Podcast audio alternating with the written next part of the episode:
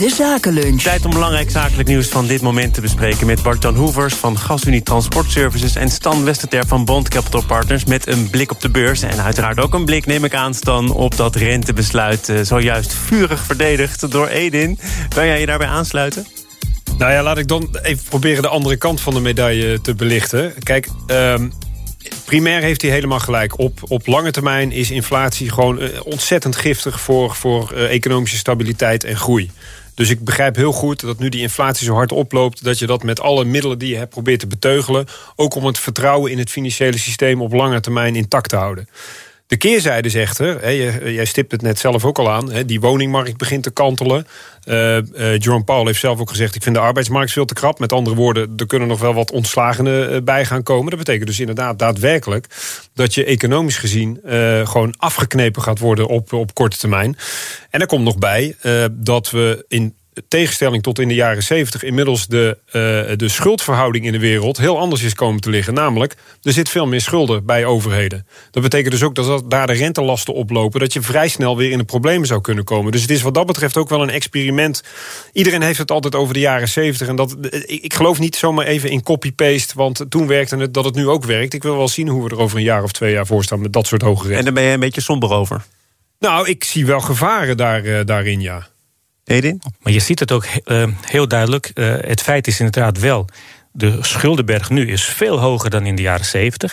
Je ziet het ook aan het gedrag van de Fed. Want in normale tijd, als we die schulden niet zouden hebben gehad, zou de Fed-rente nu richting 6, 7 procent gaan. Want dat is het niveau wat je nodig hebt om er zeker van te zijn dat de inflatie naar 2 procent gaat. En daar blijft lange tijd. En het schiet wel op, toch? Als je stappen maakt van 75 basispunten of zelfs een heel punt. Zij hebben gisteren gezegd: uh, eind van volgend jaar zitten we uh, ergens tussen de 4,5, 4,7 procent.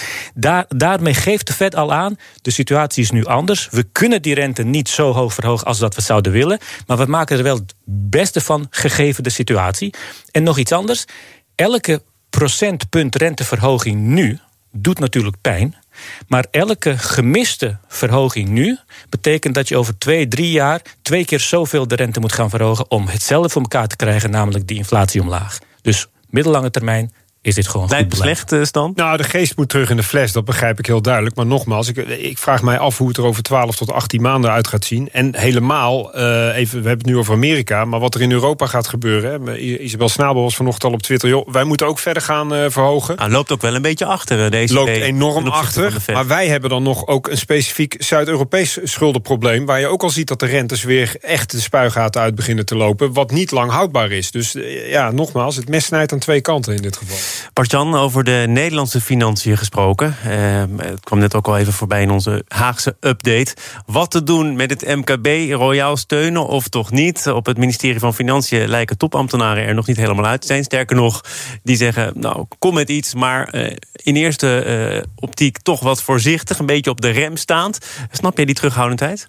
Ja, die terughoudendheid snap ik wel... Ik ben zelf tot twaalf jaar geleden ook ambtenaar bij het ministerie van Financiën geweest. Dus die reflex uh, is heel herkenbaar. En tegelijkertijd zie je ook altijd, als het over het MKB gaat, komt het makkelijke voorbeeld. Het brood wordt te duur, de bakker redt het niet. Uh, daar, daar, kun je het makkelijk mee eens zijn. Maar als je uh, op het Haagse plein de terrasverwarming ziet, dan denk ik van nou, dan mag het biertje best iets duurder zijn om daar warm en behagelijk te zitten. Dus het hoeft niet altijd over de hele maatschappij uitgerold te worden om de tegenvallers te slikken. Soms zullen we dat ook zelf moeten doen. En die afweging is ingewikkeld, maar die moeten we wel maken. Ja, er is, er is toch een reflex ontstaan dat als het tegen zit, er een vorm van compensatie komt. En, en het krimpen van welvaart is iets wat we blijkbaar met elkaar niet meer accepteren. De economische cycli, de conjunctuur, die proberen we toch zoveel mogelijk te dempen. Soms door een beroep te doen op de overheid. Ja, en ik denk dat we degene horen die het moeilijk heeft. En dat is, dat is terecht. En tegelijkertijd zie je ook uh, in, deze crisistijd zijn er ook partijen die het uh, heel makkelijk hebben. Uh, bijvoorbeeld als je in duurzame energie hebt geïnvesteerd, heb je nu toch uh, ook als huishouden bijvoorbeeld een meevaller. Ja, en die, uh, die verhalen hoor je net iets, net iets minder. Dus volgens mij moeten wij daar ook op zoek naar de balans En de verschillende kanten van het verhaal belichten. En niet alleen maar vragen van wie het moeilijk, uh, moeilijk ik, ik, snap wat je zegt over terrasverwarming. En uh, misschien dat de markt en de prijzen wel hun werk gaan doen. En ondernemers zullen kiezen voor het uitschakelen van die verwarming. Dat geldt natuurlijk niet voor bakkers die nu eenmaal hun brood moeten bakken in een oven. Die dus essentiële productieprocessen niet zomaar kunnen uitschakelen. Ja, en daarom denk ik dat dat misschien wel een voorbeeld is waarvan je zegt van god, daar zal je generiek iets moeten doen. Ik was zelf toch wel uh, gisteren ook wel blij verrast dat uh, heel specifiek op de, op de energiemarkt wordt geko gekozen voor een prijsplafond op uh, gas en elektriciteit uitgaande van een gemiddeld huishouden. Waarmee je toch eigenlijk direct ingrijpt op de pijn. Namelijk die wordt daar gevoeld door de hoge prijzen. En dan is dit de beste maatregel. En ja, 90% van onze huishoudens gebruikt nog gas. Dus dan is het ook voor 90% waarschijnlijk een hele goede uh, maatregel. Stan, alles uh, wordt alleen maar duurder. Dat merken ze zelfs bij uh, Meta, het moederbedrijf van Facebook. En daarom moet er gesneden worden in de kosten. Gaat ja. dat met de bottenbel? Uh, nou ja, er wordt uh, gesuggereerd, het stond in de Wall Street Journal... dat er een reductie aankomt inderdaad van minimaal 10% van de kosten. Uh, dat zal uh, onder andere gaan door overhead proberen terug te brengen... maar ook banenreductie. Uh, er zijn al geluiden dat er uh, intern tegen de mensen wordt gezegd... joh, kijk eens of je binnen het bedrijf een andere baan kan vinden. En Zuckerberg heeft het niet met zoveel woorden gezegd. is ook niet bevestigd. Maar die heeft al eerder gezegd dat hij verwacht... dat de personeelsgroei naar de toekomst toe af zal nemen. Maar ja. dit, is gewoon, dit zou een krimp betekenen. Maar dit is inderdaad wel iets anders. Want Zuckerberg heeft dat inderdaad gezegd. Hè. We gaan iets minder stormachtig groeien. Geldt ook voor het personeelsbestand. Maar dat is toch weer iets anders dan echt gaan reduceren. Ja, absoluut. En het is ook... kijk, we hebben het nu heet het over macro-economie. Maar als je nu micro kijkt naar zo'n specifiek bedrijf... je ziet wat er bij Facebook of Meta uh, allemaal Zo gebeurd micro is. is dat natuurlijk niet als bedrijf. Nee, oké, okay, maar goed, we hebben het over één specifiek bedrijf... dat onderdeel uitmaakt van de economie. Ja. Um, het halvering van de aandelenkoers, wat ook niet geheel onlogisch is... als je ziet wat er allemaal is gebeurd. Maar met name de inkomsten natuurlijk, die, die, die, die schroeven terug. Hoge rente, soort verlage waarderingen van aandelen. Uh, maar ook inderdaad uh, ja, uh, dusdanig dat ze dus blijkbaar ook op de kosten moeten gaan letten. Terwijl dit soort groeibedrijven vroeger...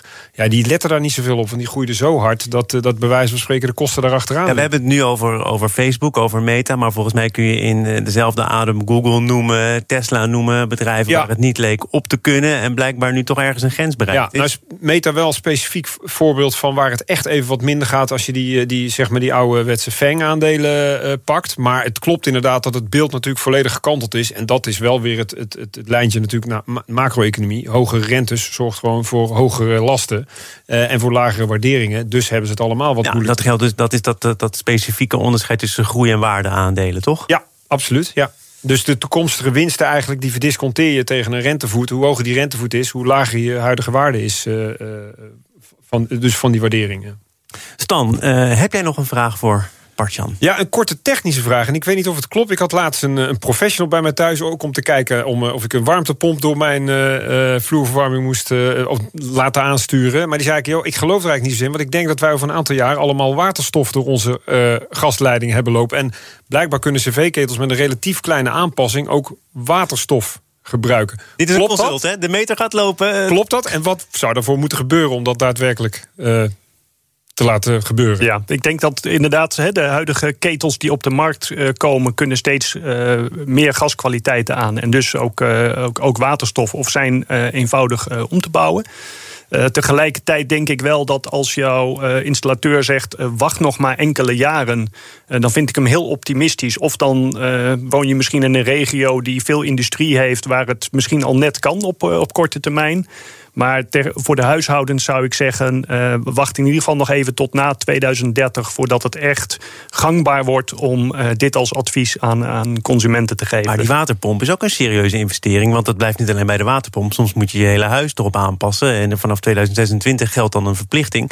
Uh, wordt het niet een beetje moeilijk om dan de juiste keuze te maken? Als je zegt 2030 is toch een jaartal om in, in de gaten te houden. Die verplichting geldt vanaf 2026. Wat moet je dan nu doen? Uh, nu is toch eigenlijk de hybride warmtepomp dan nog het beste als je huis daar uh, nog niet geschikt is voor een, uh, voor een volledige warmtepomp. Dus dan kun je toch eigenlijk op de piekmomenten met gas nog bijschakelen. Maar heb je laag gasgebruik, omdat die hele koude winters niet al te vaak voorkomen. Dus dan kom je met elektriciteit een heel eind.